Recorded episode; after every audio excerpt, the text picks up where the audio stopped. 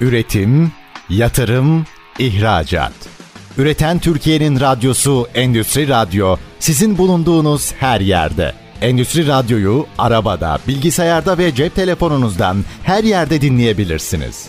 Endüstri Radyo.com Esra Baykal'ın hazırlayıp sunduğu Zamana Kafa Tutanlar programı başlıyor. Sevgili Endüstri Radyo dinleyicileri, bir zamana kafa tutanlar programından hepinize merhaba. Yine muhteşem konuklarımla size misafir olmaya geldik. Bundan önceki yayınlarımızı kaçırdıysanız üzülmeyin. Endüstri Radyo web sitesinden her zaman eski yayınları dinleyebilir. Esra-Baykal.com'dan da pazarlama ve iletişimle ilgili pek çok makaleme ve özel içeriklere ulaşabilirsiniz. Gelelim bu haftanın konusuna. Değişim. Çok zor bir kavram değil mi? Kişisel olarak değişmek, kurum olarak değişmek, dijital dünyaya adapte olmak için değişmek. Özünde yenilik ve konfor alanından çıkmayı barındıran bu kavram çok fazla dile pelesenk olsa da iş yapmaya geldiğinde öyle kolay değil tabii. Değişmek için gönüllü olmak da yetmiyor. Bir bilene sormak, hazır mıyız bakmak, neye ihtiyacımız var anlamak gerekiyor. O zaman hadi gelin şöyle yapalım. Değişime ve dönüşüme niyet ettik diyelim. Sonra bir yola çıkalım ve değişim yolculuğumuzda özellikle markalaşma süreçlerimizde bu işi çok iyi bilen bir uzmana danışalım. Onun önerilerini ve ilk adımlarda neler atmamız gerektiğini ve neler yapmamız gerektiğini öğrenelim. Efendim bugünkü konu aslında nefis bir kariyeri bırakıp kendi yolculuğunu tasarlamaya karar vermiş. Kısa sürede büyük işler başarmış. Moderasyondan tutun dijital dönüşüme, eğitim alanında bir anda herkesin aradığı insan olan sevgili Murat Erdör. Muratcığım hoş geldin, nasılsın? Esra'cığım bomba gibiyim. Ne güzel anlattın ya öyle. Bir şey oldum, yükseldim şu an. Ya çok sevindim. E, bizim enerjimiz zaten çok yakındır senin. O yüzden bence harika bir program olacak. Kesinlikle. Nasılsın? Nasıl gidiyor hayat? Biliyorsun son zamanlarda yaşanan deprem felaketinden dolayı hepimizin tadı kaçtı. İşte herkes gibi bizler de elimizden gelmeye, geleni yapmaya çalıştık. Yapmaya da çalışıyoruz. Aslında her şey şimdi başlıyor. E, sohbetin ilerleyen e, dakikalarında şu anda da neler yaptığımızı da anlatacağım. Çünkü Üreten Kadınlar diye bir platform kurduk. Orada depremzede kadınlara destek olmaya çalışıyoruz. Ondan da ilerleyen safhalarda da biraz bahsederim. Ama günün sonunda bir yandan da hayatın gerçeği var. Hayat akıp gidiyor ve üretmeye çalışıyoruz. Üretmemiz de. Bizler üreteceğiz ki oradaki abilerimize, ablalarımıza, kardeşlerimize destek olabilelim. Hem e, psikolojik olarak hem de maddi ve manevi olarak o anlamda e, hayata devam etmeye çalışıyoruz diyeyim. Üreten Kadınlar platformunun postlarını paylaştığın dakikadan beri takip ediyorum ve çok da başarılı bir girişim olduğunu düşünüyorum. Şu an herkes benzer çalışmaları yapmaya çalışıyor ama senin elinde zaten bu alanda girişimci olmaya çalışan çok fazla insanın da datası olduğu için senin daha sağlam bir zeminde hareket ettiğini düşünüyorum. Çünkü e, başka platformlarla da görüştüm. Görüntüde çok e, idealmiş gibi duran ama fonksiyonel tarafta ciddi sıkıntıları olan sistemler var. Bunlar da bizi hem marka danışmanları hem de reklam verenler olarak zaman zaman yanıltıyor. Büyük bir hevesle işbirliği yapmak istiyoruz. Ama oradaki işte organizasyon ve süreç yönetiminde sıkıntılar çıktığında bu herkes için bir sorun haline geliyor. O yüzden senin yaptığın platformu ben çok beğendim. Bununla ilgili de ekstra birlikte de bir şeyler üretelim istiyorum. Onları da programdan sonra bence konuşalım. Kesinlikle. Tabii ki. Seve seve. Şimdi Murat'cığım biz seninle pandeminin başlarında tanıştık ve aslında böyle bizim çok değişik kafalarda araştırma modellerimiz vardı. Sen faydalı sohbetler yapıyordun. Bir süre sonra e-ticarette kadın güçlenmesini destekleyen platformunu kurdum. Ben de orada yer aldım. Ve sonra kitabım çıktı yine birlikte sohbetler ettik falan derken böyle bizim seninle çok keyifli bir dinamiğimiz olduğu için ben de seni burada ağırlamak veya hem yaptığın şeyleri anlatmak hem de aslında dinleyicilerimizin de bu işin içinde yer almak isteyenlerin seni tanımasını istedim. Şimdi ben seni aşağı yukarı tanıyorum ama dinleyicilerimizden sana denk gelmemiş olanlar olabilir. Önce isterim ki ilk bölümde şöyle biraz bir kendini anlat. Sen nereden nereye geldin? Kendi değişim yolculuğunda neler oldu? Ve bugün aslında neler sunuyorsun kendi çatın altında? Bir senden dinleyelim istiyorum olur mu? Çok teşekkür ederim. Mutlaka bilmeyen milyonlarca insan vardır. Ben Ankaralıyım. Yani ilk orta lise Ankara'da geçti. Üniversite yıllarım da Ankara'daydı. Sonra 99 senesinde okul bittikten sonra o zamanlar biliyorsunuz askerlik denen bir kavram vardı. Hala da var ama hani e, 9 ay gidiyorduk, yapıyorduk. Gittik, geldik ve en büyük hayallerimden bir tanesi e, İstanbul'a gelmekti. iyi bir şey mi yaptık, kötü bir şey mi yaptık bilmiyorum. Özellikle son zamanlarda kalabalıklaşan ve binaların iç içe olduğu bir şehirde. Ama kariyer buradaydı. Yani başkentin başkent olduğu zamanda bile Ankara İstanbul'un yanında sönük kaldığı için ve hayallerimiz büyük olduğu için İstanbul'a geldik. Bankacılık sektörü, eğitim sektörü, enerji sektöründen sonra dijital sektörde karar kıldım ve dijital sektörde de uzun yıllar çalıştıktan sonra kendi şirketimi kurdum. Yani 20 seneye yakın bir kurumsal hayat geçmişim var. Çok tecrübeler var. Ondan sonra da bu tecrübeleri daha ileri safhaya nasıl taşırız? Hayallerimiz var. Ya içimize yanan bir ateş var. Girişimci ateşi var. Bunu nasıl ileri taşırız derken Murat'ın M'si, Erdur'un E'si, Mi, danışmanlıkta İngilizce Consultancy, Mi Consultancy adlı şirketi kurduk. O da 6. senesine girdi. Eğitim, etkinlik ve danışmanlık hizmetleri verme üzerine kurduk. Ama zamanla her şey tabii çok değişiyor. Bir girişimcinin de bir hikayesi oluyor ya. Yani bir aslında en büyük yapacağım iş eğitim diye düşünüyordum ama her şey farklı şekillendi hayatımızda. Şu andaki en büyük gelir kalemim ve en fazla keyif alarak yaptığım şey etkinlikler ve ara ara aldığım danışmanlıklar oldu. Etkinlikler tabii insanlara bir şey ifade etmiyor olabilir ama ben şirketlerin daha fazla görünür olmasını sağlamak ve daha iyi PR yapmalarını sağlamak anlamında onların adına fiziki ve online etkinlikler yapıyorum. Yani bir marka geliyor diyor ki ben daha fazla görmek istiyorum. Daha fazla insana erişmek istiyorum. E şimdi sosyal medyada reklam yapan markalar var ama insanlar fiziki olarak görmek istiyor. Çok ilginç bir şekilde. Dokunmak istiyor. Online'da görmek istiyor. O yüzden biz de bu markalara ve büyük markalara e-ticaret sohbetlerinden tut pazarlama sohbetlerine ne bileyim insan kaynaklarından tut farklı farklı sektörlere yönelik etkinlikler yapmaya başladık. Bir de sevdiğim iş buydu, konuşmaktı. Yani üç tane mottomuz var bizim. E, bilgi paylaşımı, sohbet ortamı ve networking imkanı. Üç tane şey. Yani insanlara iyi bir content sunmak lazım. Networking sunmak lazım. Sohbet etsinler, kaynasınlar. Çok çok değerli. Bunu sağlamaya çalışıyoruz. Tabii etkinlikler yapan bir sürü marka var. Benden çok çok büyük, çok fazla insanın çalıştığı firmalar var. Herkesin kendine göre artıları eksileri var. Ben daha butik, daha böyle ufak yerlerde yani ufaktan kastım işte 80 ila 100 kişinin geldiği etkinlikler yapıyorum. Bazı izleyen dinleyen seyircilerimiz diyecek ki ya bu ufak mı? E şimdi 300 kişilik yapan da var, 1000 kişilik yapan da var. Onlara göre daha ufak etkinlikler ama daha ortamda daha böyle arkadaşça, friendly yani hani bu insanların birbirine dokunabildiği, sohbet ettiği ortamlar yaratmaya, iyi bir content, iyi bir içerik sunmaya ve gerçekten güncel konunun uzmanları tarafından konuşulmasını sağladığımız bir platform oluşturduk. Ya buna da faydalı sohbetler dedik. E bir tanesi buydu. Onun dışında demin senin bahsettiğin gibi kadınların yurt dışında da böyle bir şey var. Entrepreneurship, woman entrepreneur falan gibi. E, Türkiye'de kadınlar da bir şeyler yapmaya çalışıyor. Neden desteklemeyelim daha fazla ön plana çıkartmayalım diye. İki sene önce E-Ticaret Kadınlar Kulübü'nü kurduk. E-Ticaret Kadınlar Kulübü'nde 1650 tane kadına online eğitim verdik. Çünkü kadınlar özellikle Covid zamanı ortaya çıktı ki daha fazla ürettiklerini daha farklı kanallardan satmak istiyorlar. Bunlara nasıl destek olabiliriz? Pazarlama, markalaşma, insan kaynakları, ne bileyim A'dan Z'ye bir sürü konu başlığıyla sen de burada yer aldın. Çok teşekkür ederim. Bu insanlara, bu kadınlara e, bu anlamda destek olmaya çalıştık. Mezuniyet törenleri yaptık, mezun ettik, diploma verdik. Yani sertifika verdik. Ne bileyim onları yüreklendirdik. Çok çok değerli bence. Yani eğitim yapmak önemli ama yüreklendirmek, dokunmak, destek olabilmek çok çok değerli. E, web sayfası yaptırdık ve bayağı insan bir şekilde e-ticarete başladı. Bunun dışında eğitim programlarımız da tabii oldu. Online eğitimlere başladık. Faydalı eğitimler diye. Ready for Change onu da birazdan konuşacağız. Bir değişim kulübü kurduk. Sadece 5 dakika diye bir şey kurduk. Her sabah hala devam ediyoruz. Her sabah 7.30'da insanlara ücretsiz olarak günlük e-bülten gönderiyoruz. Türkiye gündemi, dünya gündemi, kültür, sanat, teknoloji ile alakalı.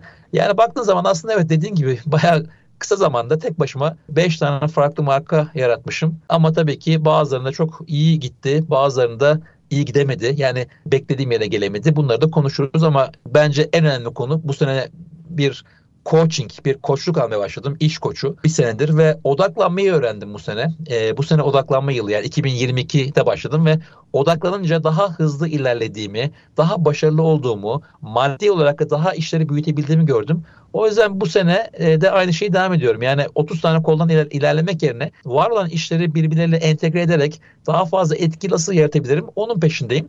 Atladığım bir şey var mı? Yani varsa da yine devam ederiz odaklanma konusu ve aslında kendi yeteneklerinden doğan bir gücü etkiye çevirmek çok önemli. Geçen haftalarda biz Müge Canan'la konuşmuştuk bunu. Bireyin aslında kendisinin içindeki gücü sınırsız bir şekilde dışarıya çıkarma ihtimali var ve kimi zaman biz e, bunu kendi bariyerlerimizle engelliyoruz. Burada aldığın koçluğa da dönmek istiyorum. Bence bu çok önemli bir konu. Biz bugün şirketleri değiştirmeye çalışıyoruz ama aslında bir şirketin değişimi çalışan kadar liderinin de değişiminden başlıyor. Ve burada hepimizin bence iş dünyası olarak koçluğa ihtiyacımız var. Çünkü şu çok değişti yani sen de geçmişten hatırlarsın. İşte reklam ajanslarına ya da etkinlik şirketlerine bir brief verildiğinde hedef kitlemiz herkesti. Ama bugün daha mikroya daha odaklı bir şekilde ve etki yaratacak birkaç projeyle gitmenin çok daha kıymetli olduğunu fark ettik hepimiz. Ve senin de bu anlamda en fazla göz önünde olan şeylerden iki tanesini söyleyeyim. Bana göre bir tanesi e-ticarette kadının güçlendirilmesi, diğeri de yaptığın etkinlik faaliyetleri. Etkinlik faaliyetlerine de katılmış biri olarak söylüyorum Murat'ın. İnanın orada hem gerçek bir networking yaşıyorsunuz ama bunu çok samimi. Hiç kimsenin egosunu ön plana almadığı bir şeyden bahsediyoruz ve burada gerçekten çok kıymetli isimler oluyor. Ve e-ticaret dünyanın geleceği olduğu için hiçbir şey bilmiyorsanız bile orada yer alarak öğrenebileceğiniz yapabileceğiniz o kadar çok şey var ki. E, mesela işte bugün yaşanan afet sonrası pek çok ticari kurumun elinin bağlanma nedenlerinden biri de belki de bu. E-ticarette olmamaları. Bina zararlarını vesaireyi gayrı koyarak söylüyorum ama ticaretin akış halinde gidebiliyor olması için mutlaka bir bacağının dijitalde olması gerekiyor.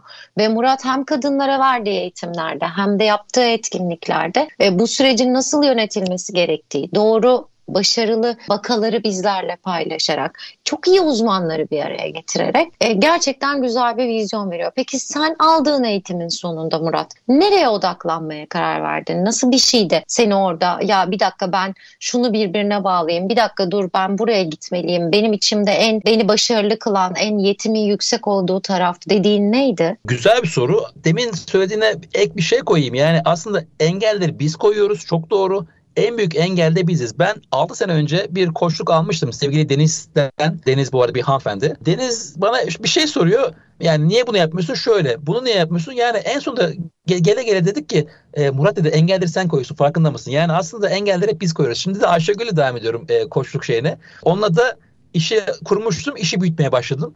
Engelleri hep biz koyuyoruz. Yani biraz sakin kafayla düşündüğümüzde yani bunu yapmak istiyorum, şunu yapmak istiyorum. E engelleyen şey ne? Sensin arkadaşım kendini engelliyorsun. Bizi dinleyen dostlarımız hayallerinizi ertelemeyin. Aptal kahramanlık yapın demiyorum ama potansiyel mutlaka var. Yazın, çizin, sorun ve aksiyon alın. En büyük sıkıntı aksiyon alamamakta kaynaklanıyor. Ben şunu keşfettim sevgili Esra.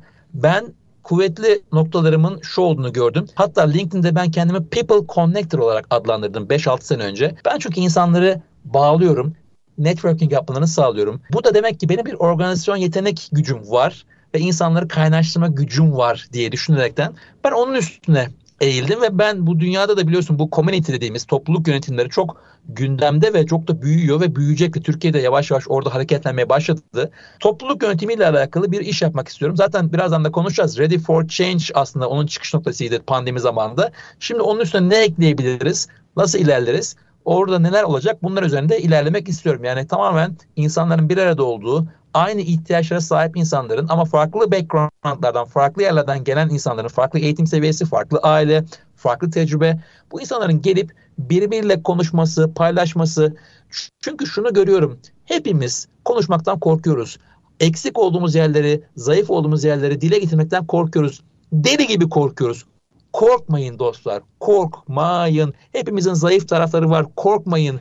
Hiçbirimiz mükemmel olmayacağız. Yani böyle şeyler var. Harika olacaksın, mükemmel olacaksın. Olmayalım. Çok önemli değil. İşimizi iyi yapalım. E, illa her şeyi en iyi şekilde yapmak zorunda değiliz. O yüzden eksik taraflarımızı da geliştirebildiğimiz kadar geliştirelim. Her şeyde perfect diyor ya. Öyle bir şey yok dostlar. O yüzden de eksik olduğumuz konuları da dile getirmekten utanmayalım, çekinmeyelim. Ben işte kurduğum topluluklarda bunu konuşmaya çalışıyorum. Önce kendime öne sürüyorum. İnsanlar senin böyle e, açık ve net bir şekilde bunu konuştuğunu görünce aa bende de bu var, aa bende de bu var. Herkes bir şekilde atlıyor ve harika bir paylaşım oluyor. Ben buna önem veriyorum ve samimiyet çok çok değerli. Yani e, samimi ortam olacak, insanlar paylaşacak e, ve destek olacak. Destek çok değerli. Yani hep bana, hep bana, ben çok sıkıldım bundan. Hep bana, hep bandan ziyade toplumdan aldığımızı topluma vermeliyiz. Birazdan da bahsederim. Ben bir takım sivil toplum kuruluşlarında özellikle eğitim ve çocukla alakalı destek vermeye çalışıyorum. Çok değerli. Yani sürdürülebilir destek verirsek bu çocuklarımıza, e, onların eğitimine, onların gelişimine çok çok daha farklı bir ülkeyle iyi anlamda karşılaşacağımızı düşünüyorum. O yüzden bunları da önem vermek gerekir diye eklemek istiyorum. Geçen hafta Hayal Gücü Merkezi'nin başkanı Emre konuğumdu. Emre Keskin ve ona şeyi sormuştum. Bizler ebeveynler olarak bu çağın içerisinde kendimizi çok çaresiz hissediyoruz. Çocuklarımızı belli girdaplardan nasıl kurtarırız diye. Emre de sana çok benzer bir şey söyledi. Dedi ki yan sınıftaki çocuğu düşünmeden hiçbir şey kurtaramazsın güzel laftı. Yani tam olarak bu aslında. E, Ready for Change'deki değişimi ben çok merak ediyorum. Çünkü Ready for Change'i biliyorum ve hepimiz o yapının içinde olduğumuz dönemlerde bizimle paylaştığı muhteşem ilham verici kitaplar dahi vardı. Ama bir reklam arasına gidelim. Reklam arasından sonra Ready for Change'i konuşalım olur mu? Efendim kısa bir reklam arasından sonra yine sizlerle birlikte olacağız. Üretim, yatırım, ihracat. Üreten Türkiye'nin radyosu Endüstri Radyo sizin bulunduğunuz her yerde. Endüstri Radyo'yu arabada, bilgisayarda ve cep telefonunuzdan her yerde dinleyebilirsiniz. Endüstri Radyo.com Sevgili zamana kafa tutanlar dinleyicileri. Efendim programımızın birinci bölümünde Murat Erdor'la birlikte aslında hem onun yolculuğunu dinledik hem de onun danışmanlığı, e-ticaret sohbetleri, e-ticarette kadınların güçlendirilmesi konusunda neler yaptığından bahsettik. Bu esnada da Ready for Change'den bahsetti. Ready for Change'i biz de bir parçası olmuş ve takip etmiştik. Çok keyifli bir süreçti. Bir sürü insanın bir araya geldiği ve birbirinden beslenip daha iyi, daha güzeli oluşturacağı bir yapıydı bu. Biraz da şimdi oradaki dönüşüm ve değişimi dinleyelim Murat'tan. Bakalım ne sunuyor bu platform? Bize neler katacak? Her birimiz bu yapının içerisinde neyi değiştirip dönüştürebiliriz? Bir de Murat'tan dinleyelim. Aslında hikaye demin bahsettiğim gibi yani bir e, topluluk yönetimini hep yapmak istiyordum toplulukla beraber olmak, insanların bir şeyler paylaşması. Ben iş hayatında şunu gördüm. Özellikle yeni iş kurduğumda 6 sene önce girişimci olduğumda işte herkes kafasında bir şey var. Onu yapamazsın, şunu yapabilirsin, bu olmaz, şu olmaz. Girişimcilere biliyorsun Türkiye'de destek hep köstek var dostlarından bile. Ya tabii ki herkes iyi niyetli bir şekilde yol göstermeye çalışıyor ama yüreklendiren you can do it hani var ya böyle yurt dışında. Ya bu yok maalesef tamam mı? Yani bu belki kültürel bir şeydir bilemiyorum. Ready for Change'i şu yüzden kurdum. Aslında demin söylediğim şey. İnsanlar paylaşamıyor, korkuyor ve tek başına kalıyor. Dedim ki ben bunu yaşıyorsam eminim etrafımdaki herkeste bu var. Korkular var, zayıflıklar var. Ya niye biz bu insanlarla bir araya gelmiyoruz? Kişisel gelişimle alakalı konularda konuşmuyoruz. Networking yapmıyoruz derken değişime hazır mısın dedim kendi kendime ve hemen o akşam alan adlarına baktım. Ready for Change var mı? Var. Bomboş. Hemen Ready for Change'i aldım. Patentini aldım. Marka is, isim hakkını aldım vesaire başladım. Ready for Change iki buçuk sene oldu herhalde kurduğumuz bir değişim kulübü. Biz burada her hafta perşembe günleri akşam online olarak buluşuyorduk ve o ayın konusunu konuşuyorduk. Zaman yönetimi, ne bileyim işte stres yönetimi, pazarlama, aklına gelebilecek her türlü bir beyaz yakanın ya da bir girişimcinin ihtiyaç duyduğu konuları konuştuk. Uzman konuklar getirdik. Ve sonra dedik ki bir ilham almak lazım. E, ne bileyim işte bir takım şirketlerin CEO'larını davet ettik. Yani kariyer yolculuğunu nasıl yapmış, nasıl CEO olmuş, CEO olmak çok matah bir şey mi yoksa mutlu mu mutsuz mu gibi e, bu konuları konuştuk. Ondan sonra kendi aramızda böyle bir e, networking yapmak anlamında buluşmalar yaptık. Ondan sonra da o ayın önemli konularını konuştuğumuz bir e, gece yaptık. Yani dört hafta boyunca her perşembe konular konuştuk. Kitaplar gönderdik üyelere. Ta ki geçen Haziran ayına kadar bunları devam ettik. Haziran ayında şuna geldim. Ya dedim güzel her şey çok güzel ama bir şeyleri değiştirmem lazım. Yani daha farklı şeyler eklemem lazım dedim. Bir pause yaptım. Bir şöyle bir e, stop yapmadım. Yani bu hikaye devam edecek. To be continued diyor ya yurt dışında. Devam edecek şeklinde. Şimdi beklemedeyim. Ama Ready for Change ya da onun benzeri bir platform kurmayı düşünüyorum tekrardan. Eylül ayına hedefliyorum. Bu sene biraz odaklandığım için her şeyi daha planlı yapmaya çalışıyorum. Ama Ready for Change sayfası hala aktif. Hala bloglar yazılıyor. Değişimle alakalı yani kariyer gelişimi, kişisel gelişim, e, dijital dönüşüm, ne bileyim networking, e, her konuyla alakalı yüzlerce yazı var, blog var. Hala girdiklerinde bu blog sayfasını okuyabilirler. E, burada şunu gördüm ben. Bu da biraz bir ilham oldu. Yani hani Eticaret Kadınlar Kulübü'ne biraz ilham da verdi. Orada da aslında kadınların şunu yalnızlığı hissettiğini gördüm. Yani evet bilgi, birikim vesaire herkes eğitim veriyor ama ilham verecek, yapabilirsin vesaire diyecek bir yapının olmadığını gördük. Biz eğitimlerde Kadınlar Kulübü'nde şunu yapmaya çalıştık. Yani sohbetler ettik ve şunu gördüm. Kadınların en büyük şeyi ya kocam Ya en yakın arkadaşım bunu yapamazsın diyor dedi. Çok kötü hissettim kendim diyen çok kadın duydum. Yani bunun hatta olduğunu biliyordum ama bu kadar çok olduğunu düşünmemiştim. En, özellikle kadınlar tarafında. E, bunu duyunca da o kadınları nasıl destekleriz? Ya sadece işte bir eğitimden ziyade daha farklı şekilde onlara işte bir community sunmak, o kadınların kendi arasında konuşmasını sağlamak çok çok değerli. Bence gelecekte orada bu ve buna benzer topluluklar kurmak. Yani atıyorum e, sinema severler mi? Onunla alakalı bir topluluk. Son zamanlarda pandemi sonrası kedi köpek ve işte yani bu pet shoplar inanılmaz bir ivme kazandı. Özellikle bekar olan dostlarımız yani işte ya da çocuğu olmayan dostlarımız ne yaptı işte o sevgisini paylaşacağı bir yol arkadaşı anlamında kedi köpek almaya başladı. Çok da güzel bir şey bu. Ve bu anlamda orada da çok inanılmaz yani kedi bakımı, köpek bakımı, bunları nasıl şey yapmak bin tane konu var benim bilmediğim yani hani çok da ama işte onların bir topluluğa ihtiyacı var gibi gibi. Aslında bunun gibi zilyon tane topluluk yönetimi platformu Dünyada kuruluyor, yapılıyor. Türkiye'de de bence önü çok açık diye düşünüyorum. Biz de bununla ilgili birkaç senedir etiyle birlikte çalışıyoruz. Türkiye'de de dünyada da pandemiyle birlikte dediğin gibi evcil hayvan sahipliği çok arttı. Ve bunların da kendi içinde aslında bir sürü bilgiye ve desteğe ihtiyaçları var. Helpimal diye bir uygulama var. Helpimal İzmirli üniversite öğrencilerinin ortaya çıkardığı bir aplikasyon. Ve çok kıymetli bir aplikasyon. Çünkü hem topluluk yönetimi sağlıyorsun hem içerideki challenge'larla birlikte insanları aktif bir şekilde özellikle sokak canları için harekete davet ediyorsun. Veya yani yolda gidiyorsun diyelim. Bir yere koşarken acelen var ve ne yazık ki bir sokak canının işte kazaya uğradığını görüyorsun ya da o sırada bir desteğe ihtiyacı olduğunu görüyorsun. Hemen aplikasyonun içerine, içerisine girip lokasyonunu seçerek bu yakınlarda yardımcı olabilecek bana kimse var mı diye sorabiliyorsun. Yani Helpimal'ın bu tarafını biz çok seviyoruz ve birkaç senedir de destekliyoruz zaten markalarımızla birlikte. Ne kadar güzel. İçinde Harika. yapılacak çok fazla şey var ve çok genç bir ekip oldukları için her türlü gelişime ve uygulama içerisindeki yeniliklere de çok açıklar. Onu da bir duyurmuş olalım. Peki bir taraftan da şeyi soracağım Murat. Ya herkes dijital dönüşüm diyor. Kaç senedir dijital dönüşüm diyoruz ama bu dönüşme halini ve bu dönüşüm süreci içerisinde atılması gereken adımları da aslında çok da net ifade edilmediğini düşünüyorum ben. Sen ne düşünüyorsun? Bugüne kadar hep dijitalin içinde olduğun için soruyorum. Yani bizim dijital dönüşüme niyet ettim kurumum olarak desturuyla başladığım süreçte neler yapmam gerekiyor? Ve bir diğer sorum da bu bölüm için olacak. E-ticaretin bu dijital dönüşümden farkı ne? Oradaki entegrasyonu nasıl kafamızda kurgulamamız lazım? Bunun içinde ne var? Biraz da bunun hakkında bilgi verelim. Seve seve. Güzel bir soru sordun. Dijital dönüşüm herkesin ağzında ama uygulamaya gelince, aksiyon almaya gelince %99'u kayıp. Bunun belli sebepleri var. Çünkü teknolojiden korkan bir kitle var. Ne bileyim yenilikten kaçınan bir ekip var. Korkan bir ekip var. Yeterli sayıda para var ama onu o insanlar yok. İnsan yetenek yok. Yani onu yönetecek o kadro yok. Gibi gibi bir sürü sebep var ama gerçekten aksiyon almak isteyen insanlar alıyor. Birazdan da e-ticaret tarafından da bahsedeceğim. Dijital dönüşümü şöyle anlamamak lazım. Yani para var, yazılım aldım, tak fişi bitir işi o şekilde olmuyor. Dijital dönüşüm aslında zihinsel bir dönüşüm. Yukarıdaki tepeden başlayacak aşağı doğru sirayet edecek. Çok basit bir örnek vereyim Esra. Biliyorsun pandemi zamanında herkes evlere kapandı.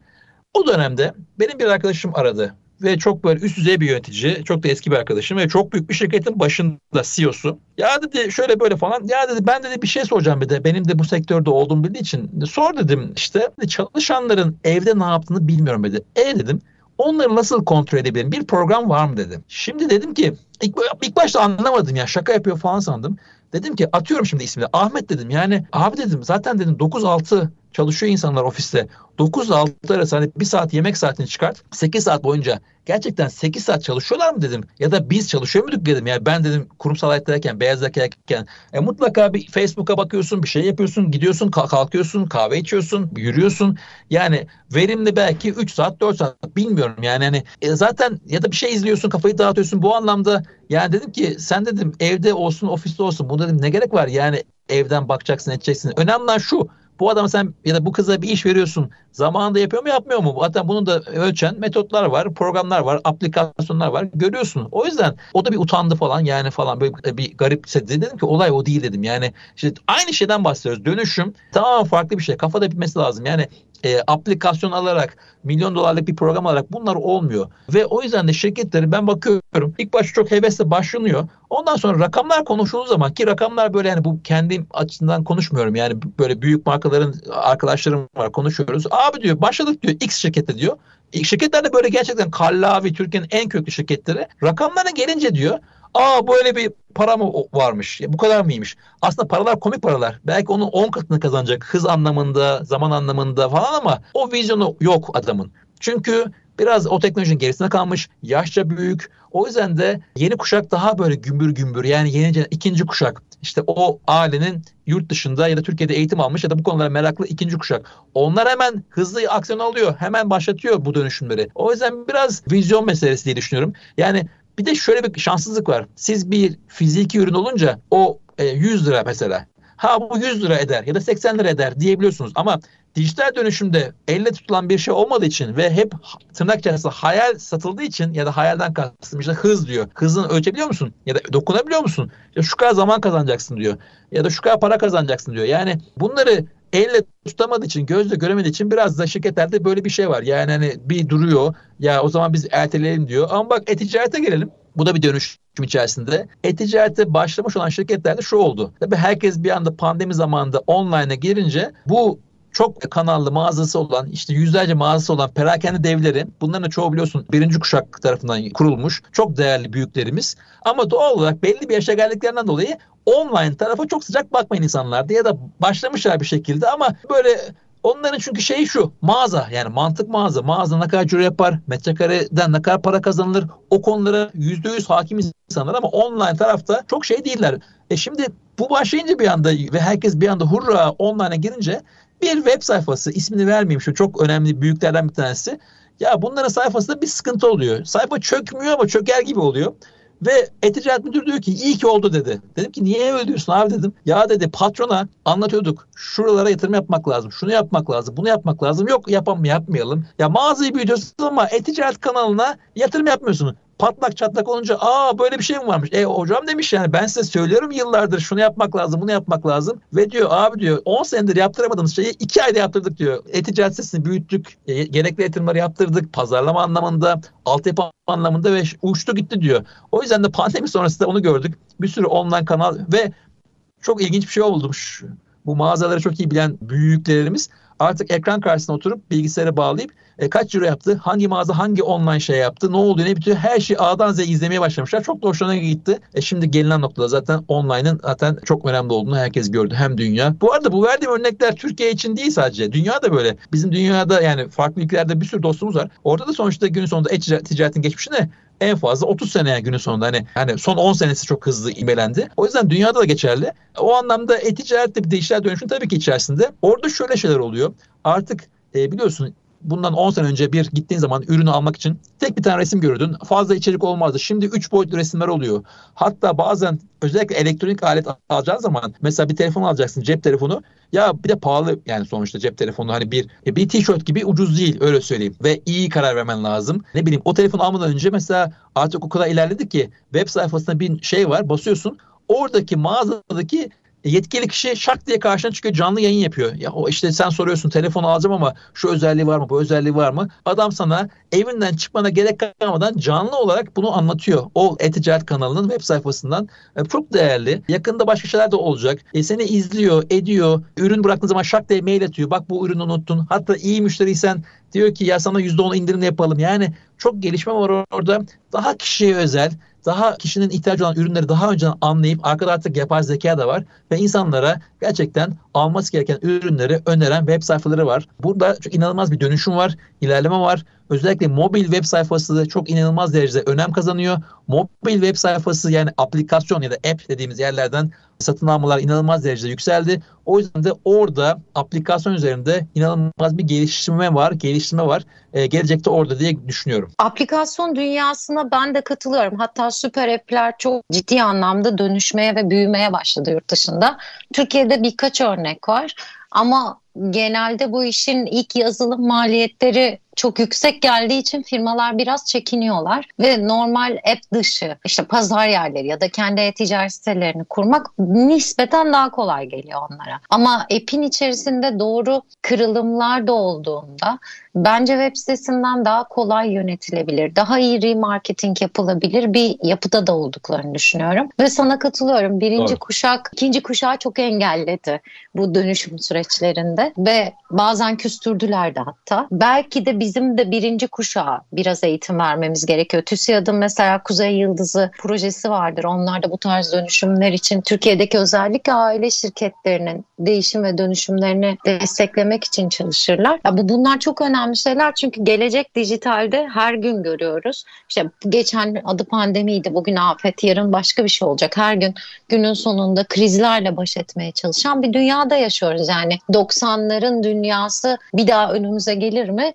Sanmıyorum. Yani keşke olsa çok daha konfor alanında yaşadığımız, çok daha refah içinde yaşadığımız bir dünyaydı. Ama hani bundan sonrası için hepimizin hazırlıklı olması gerekiyor. Ki o 90'ların dünyasındaki mutluluğu yaşayan bir kuşak olarak da geçen gün arkadaşlarımla onu konuşuyoruz. Hani gençliğimizi çok güzel yaşadık diye orta yaşlılığımızda bu vebal miydi bize biz böyle mi ödüyoruz bu vebali diye. Ha, Öyle haklısın. De Hepimiz aynı var. aynı muhabbet var ama daha güzel olacak inşallah her şey. Çok daha güzel olacak inşallah. Benim umudum var hala. İnşallah. Peki şimdi yine bir kısa reklam arasına gidelim sonra son bölümümüzde devam edelim. Efendim kısa bir reklam arasından sonra yine sizlerle birlikte olacağız. Üretim, yatırım, İhracat. Üreten Türkiye'nin radyosu Endüstri Radyo sizin bulunduğunuz her yerde. Endüstri Radyo'yu arabada, bilgisayarda ve cep telefonunuzdan her yerde dinleyebilirsiniz. Endüstri Radyo.com Sevgili zamana kafa tutanlar dinleyicileri, programımızın son bölümünde Murat Erdor'la sohbetimize devam ediyoruz. Şimdi Murat'cığım dijital dönüşüm konuştuk bir önceki bölümümüzde ve senin kariyer geçmişinde de bir ülke müdürlüğü var ve başka ülkelerin Doğru. dinamiklerini de bu noktada analiz ettiğini, sonrasında danışman olarak Türkiye'deki firmalarda yaşadığın deneyimleri de anlattın bize. Ya biraz kıyaslar mısın? Yani bizim burada göz ardı ettiğimiz ne, eksik kaldığımız ne ve bir gelişim alanlarımız ne, bizim potansiyelimiz ne, biz neleri değiştirirsek aslında zamana kafa tutan bir dijital dönüşüm hub'ı ülkesi olabiliriz aslında. Aslında güzel bir yere temas ettin. Ben dediğin gibi MRSIS'te Türkiye ülke müdürüydüm. Ee, şimdi SAP satın aldı. Ondan sonra Euromessage'de ülke müdürlüğü yaptım. O da Dubai'de ve İngiltere'de ve Almanya'da ofisleri vardı günün sonunda tecrübe etme şansım oldu. Hem dijital dönüşüm tarafını anlatayım hem de insan e, profilini anlatayım. Biraz daha fikir verecektir. Ya yani orada benim gördüğüm şey şu. Biraz daha tabii orada her şey açıklar. Yani bir de dünya ile entegre yani yurt dışındaki şirketler. Yani biz biraz daha kapalı devre çalışıyoruz. Pek yani evet dünya ile entegre olan şeyler de var ama daha kendi içimizde dönmeye çalışıyoruz. Yani böyle büyük resme bakmaktan biraz kaçınıyoruz. Çok değerli e, çalışanlar var.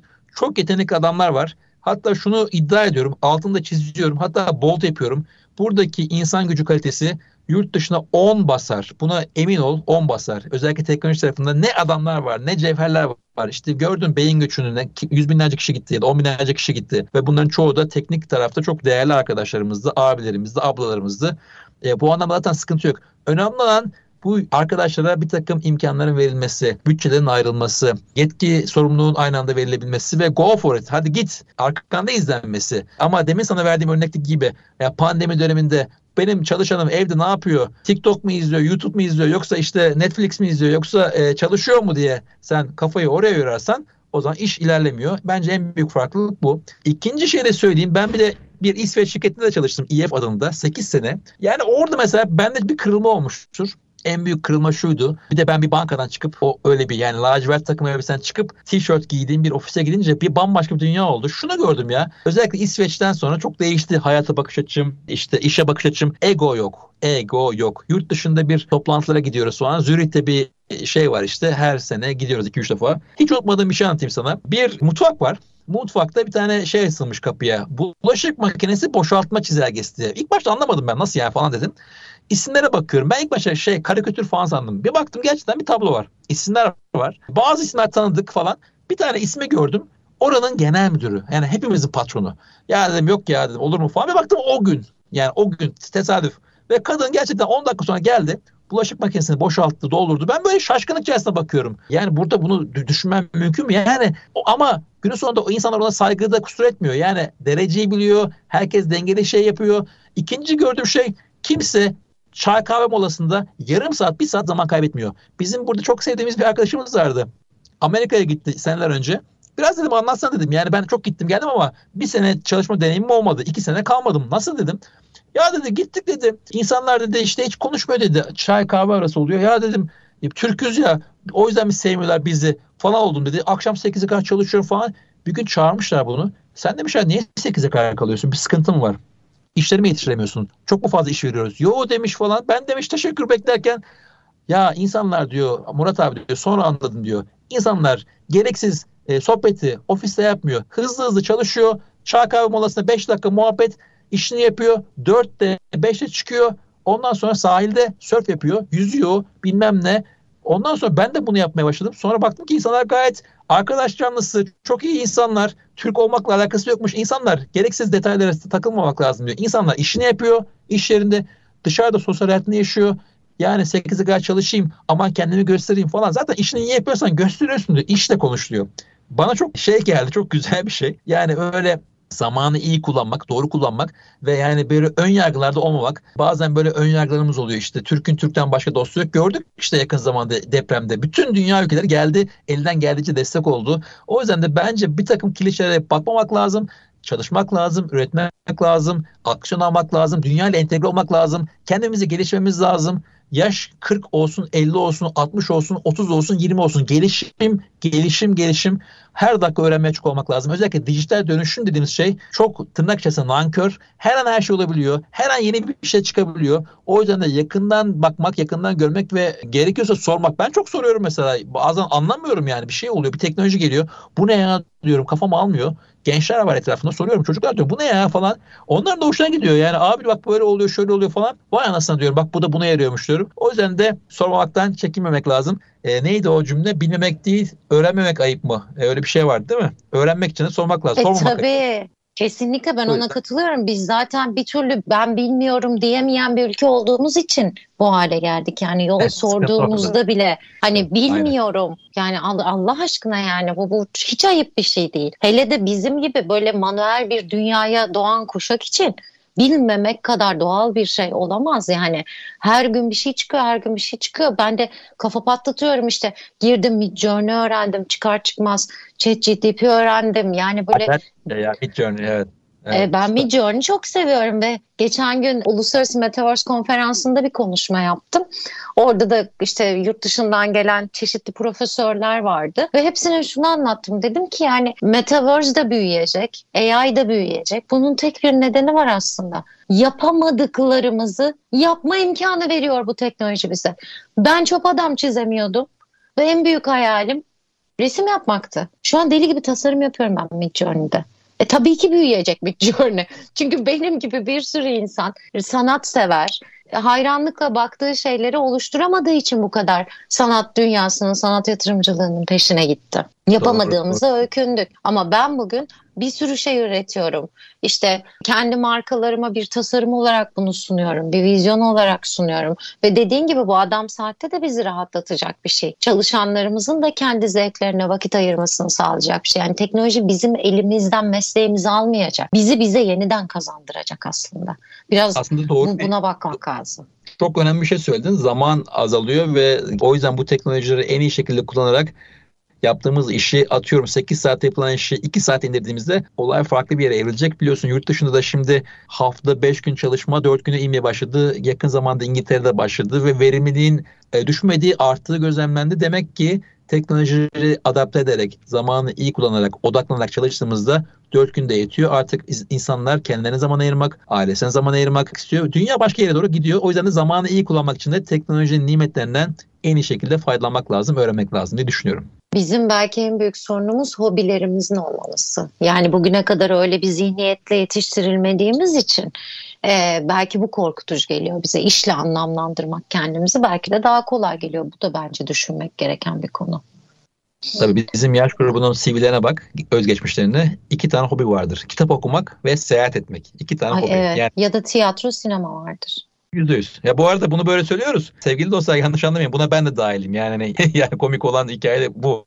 Evet biz o dönemin çocukları öyleydik yani. Benim bir arkadaşım vardı. Daha doğrusu bir büyüğüm Mustafa. O da çok sevdiğim bir abim askerden. Bir hobin olması lazım Muratçım demişti. Sene 99 bir hobin olması lazım. Hobi çok değerli. İş hayatında diğer insanlardan seni ayrı tutacak şey de hobidir demişti.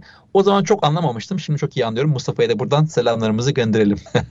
Evet çok çok güzel bir öğütmüş gerçekten. Peki bir de şeyi de sormak istiyorum sana. Bir marka yaratma hevesi zaten işte startuplarda çok fazla var. Ve startup ekosisteminde dünyada çok desteklenen bir ekosistem. Çünkü bu sürdürülebilirlik kuralları ve sistemi içerisinde hepimiz biliyoruz ki 2030'dan sonra bir sürü marka dünya üzerinden yok olacak. Dolayısıyla globalde de onların yerine geçecek girişimcileri yetiştirmek önemli bir vizyon haline geldi. Ama bir startup'a başlamakta kolay bir şey değil. Finansal tarafı var bunun, vizyon tarafı var, pazarlama tarafı var. Hani harika bir fikrim varla başlayan bir iş olmaması gerekiyor bunun. Sen burada ne önerirsin? Yani girişimciler nelere dikkat etmeli? Marka nasıl yaratılır? Onlara bir iki öneride bulunmak ister misin? Ben hızlıca özetleyeyim o tarafı. Yani tabii herkesin kendine göre hayali var, fikri var. Ama günün sonunda ben de mesela ilk zamanlarda başladığım şeye bakıyorum. Notlarıma bakıyorum. Defterler tutardım, notlar tutardım. Saklıyorum da onları.